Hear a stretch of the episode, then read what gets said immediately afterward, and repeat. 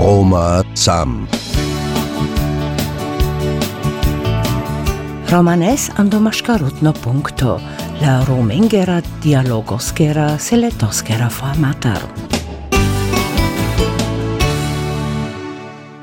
Šukar gerati te del tumenca penel tumenge sarsako kurko, andaro ORF Tanniskero Studio Burgenland, Susanne Horvath. Akan ima otrandajektowar do pundakero kansleriscero birovčago iro mengeri dialogiskeri seletoskeri fuama telliker di uli. Paloda te usoflogoskero grupnengero di ando austritico parlamento o di kipeo proromanespa schlardo ulo te ada dalla lenipe ando zeichen la flogoskera grupnakera cipchatar tergino. Barsche Expertki, der Expertscher an der Wissenschaft der Forschenipe, der Aktivistki, der Aktivistscha an der Romengero Ketanipe, uso alaf ale. I austretiki strategija usi inkluziona le romendar o espalba keripe upri euake rokeripe kerdo ulo. Ando berstuje zeri bišojek o beider keripe deš beršenge arker do ulo.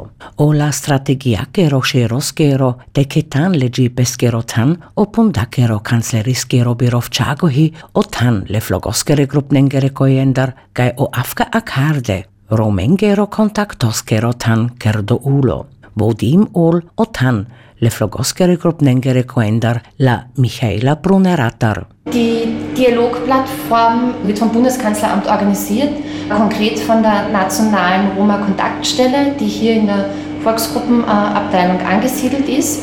Sie dient dem, dem Dialog und dem Austausch. Also es geht darum, dass man die Akteure quasi zusammenbringt ja, und ein Forum bietet zwischen Verwaltung, Roma Zivilgesellschaft und anderen wichtigen Akteuren, die relevant sind für Roma-spezifische Themen und ihnen ein Forum bietet zum Austausch und zur Diskussion. Die Dialogplattform dient vor allem neben dem Austausch dazu, dass man die äh, nationale Roma-Strategie weiterentwickelt. Das heißt, das, was hier diskutiert wird, die Maßnahmen, die man, die man hier anregt, die nehmen wir mit quasi, um die, die neue Strategie oder die Strategie, die nationale weiterzuentwickeln. Die nationale Roma-Kontaktstelle ist eine Koordinierungsstelle. Das heißt, wir sind so der Dreh- und Angelpunkt innerhalb der österreichischen Verwaltung verbunden mit der Europäischen Union. Wir sind zuständig auch für die nationale Strategie was wir nicht können, ist, wir können nicht Maßnahmen setzen im Sinne von, die fallen in unsere Zuständigkeiten, sondern je nach Ressortzuständigkeit ja, sind die Maßnahmen zu setzen, zum Beispiel im, im Bildungsbereich, halt im, im Bildungsressort. Aber wir sind sozusagen der Dreh- und Angelpunkt, damit das quasi auch koordiniert abläuft. I afka akardi dialogiske seletoske reforma le arparoi peske, maškar o minden felitike keraški te keraščahi o mulatinšago akan ima o trandoyektovar deliker do ulo. Sprache ist nicht nur eine Ausdrucksform, ja, eine Form, wie, wie man sich ausdrücken kann, sondern sie ist einfach auch ein, ein Symbol für Zugehörigkeit und Zusammenhalt. Das heißt Zugehörigkeit, Sprache, Symbol, ja, ich kann durch Sprache mich zugehörig fühlen zu einem Staat, kann mich zugehörig fühlen zu einem Bundesland, man kann sich zugehörig fühlen zu, zu einer Region, aber auch zu einer Gruppe und, und Gemeinschaft. Und ich glaube, da kommt die Bedeutung und die, die Wichtigkeit der Volksgruppensprachen einfach, einfach zum Ausdruck, nämlich diese, diese Identität, diese Zugehörigkeit und Zusammengehörigkeit. Und diese, diese Besonderheit, diese, diese Bedeutung, ja, die, die ist ja auch quasi verankert in, in unserer Verfassung ist ja nicht nur Deutsch in unserer, in unserer Bundesverfassung verankert, sondern auch die, die sechs Volksgruppensprachen.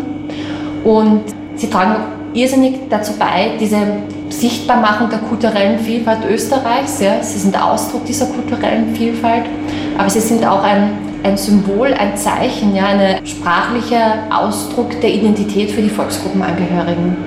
Und wie wichtig diese, diese Volksgruppensprachen sind, finde ich, das hat der Tag der Volksgruppen im, im Parlament gezeigt, wo vor allem die Zukunft der Volksgruppen, die Jugend, gefordert haben, dass man mehr für den Erhalt dieser Volksgruppensprachen tut, mehr Maßnahmen setzen, sich dafür einsetzt. Es gibt ein, ein großes Sprachbewusstsein der Volksgruppenangehörigen, der jungen Generation. Sie wollen diese Sprachen auch, auch lernen. Und unter den sechs Volksgruppensprachen hat Romanes ja ein Alleinstellungsmerkmal, kann man sagen. Es ist keine standardisierte Sprache, es hat keinen Amtssprachencharakter. Sie ist geprägt durch eine Vielfalt, kann man sagen, Vielfalt an, an Dialekten. Und ich finde es besonders schön, dass wir uns heute zu diesem Thema im, im Zuge der Dialogplattform austauschen können und die Sprache, die Sprache Romanes aus unterschiedlichen Blickwinkeln beleuchten können. Un risultacia l'essenziero studiatar ima an dober stuieseri bishodui angleter giarde ule. I studia o pecanshago mesterendar te assistenziakere bucha schendar le iskolaschkienge te iskolaschenge. Savengeri erstici promanesi an do cilo pundakero tansikan. Lače entvikli Nibča an do Burgenland, die Dikelhi, kaj osikaipe an do Burgenland romani del. Ich glaube, wie damals die Verschriftlichung stattgefunden hat, war es einmal primär ein Ziel, dass die Sprache den öffentlichen Raum trifft, ja, dass die Sprache zu hören ist. Und da es verschriftlicht wurde, also die Kodifizierung und Didaktisierung und die Aufnahme in das Minderheitenschulgesetz bestand damals die Möglichkeit, unsere Sprache, das Roman oder Burgenland-Romane in die Öffentlichkeit zu tragen. Und wo ist es nicht besser als in einer Schule oder in einer Bildungseinrichtung?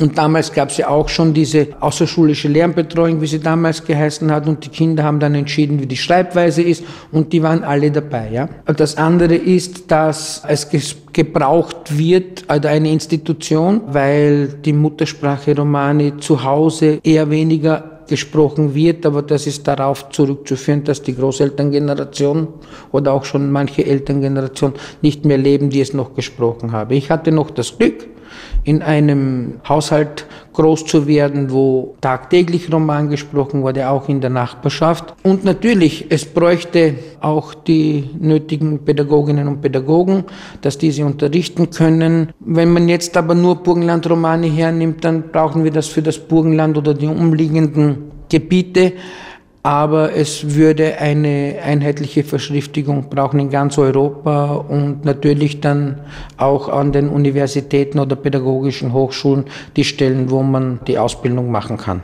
Baricano di Kipeo pro Burgenland Baslardo ulo, adei afka pokal i Karin Vukman Adner, Šero le čuli pengeri iškolake rekoastar, iškolake ročačipe, osikaipe ando flogoskere grupnengere čipča, Ose Muckel. A da de Avral o autochtoni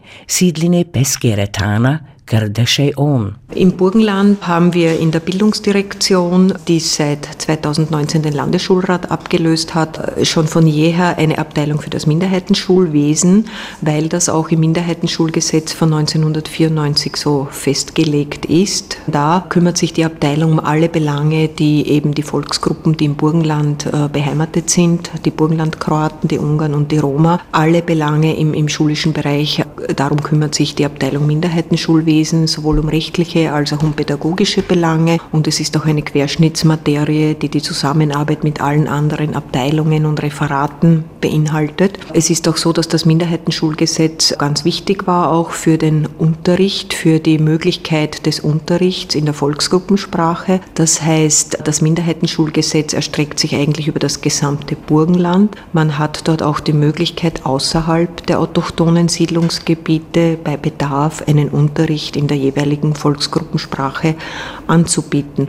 Das wird auch angenommen. Ein ganz wichtiges Forum, das 2019 installiert wurde, ist das Forum 4 Burgenland. Das ist ein Bildungsforum, das über die Pädagogische Hochschule, Bildungsdirektion und auch die Vertreter der Volksgruppenbeiräte äh, beinhaltet, die sich regelmäßig treffen und wo eben Strategien entwickelt werden, Unterstützungsmaßnahmen, wie man die Volksgruppensprachen im Burgenland fördern kann, aber auch die Mehrheit dafür sensibilisiert. Jeg Burgenlanditiker barikanibe si kalte o Forum vor Burgenland, penel i Wukman Adner. Oscero si cadi Peschero Forum o pri iniziativa la privati pedagogici uci iscolatar la si cadi Peschera directionatar Burgenland tele Burgenlanditiche flogoskere grupnengere pero cender kerdo ulo. Ziel hi o flogoskere grupnengere cipcia ando si cadi Peschero tan tesoriarel. השארי פלאקיה יבוקמן עטנה, דלקתם בו צ'אלי ניפסקה,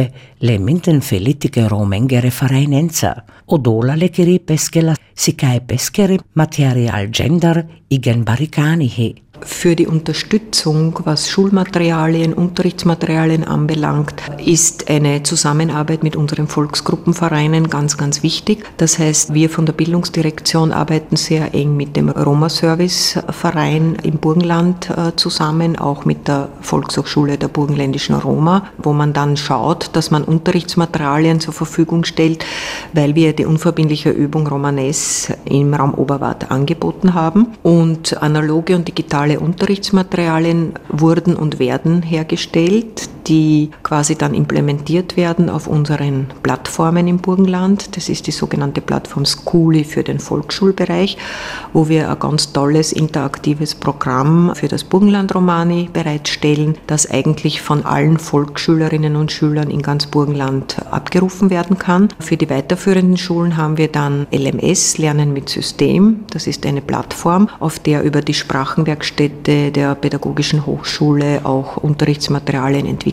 werden und zur Verfügung gestellt werden. Die Lehrerinnen und Lehrer nehmen das Angebot auch sehr gerne an, weil es eben in diesem Bereich auch wichtig ist, moderne und zeitgemäße Unterrichtsmaterialien zu haben. Das wird auch vom Bildungsministerium sehr gefördert im Rahmen von Projekten, damit wir das auch umsetzen können. Die Zusammenarbeit mit der Pädagogischen Hochschule im Burgenland ist auch ganz essentiell, weil wir dort eben die Stabstelle Minderheitenschulwesen haben, die sich eben um Belange des Minderheitenschulwesens in der Lehrerausfahrt und Weiterbildung kümmert und auch eine Sprachenwerkstätte hat, wo es um Forschung und Entwicklung geht. Das, was im Burgenland entwickelt wird, ist eigentlich für das Burgenland Romani entwickelt worden, weil ja das auch als Volksgruppensprache bei uns dann unterrichtet wird. Es ist soweit halt implementiert in diesen, in diesen Lernplattformen, ist aber alles im Burgenland Romani. Šukarkajadi papaluzamari sakikur keskeri sendon Roma sam uze sanahi. Te cam kamna šuna zamen papal adijande jek kurko, giodadi penavtumenge, acen devleha, acen saste, tai laci rat.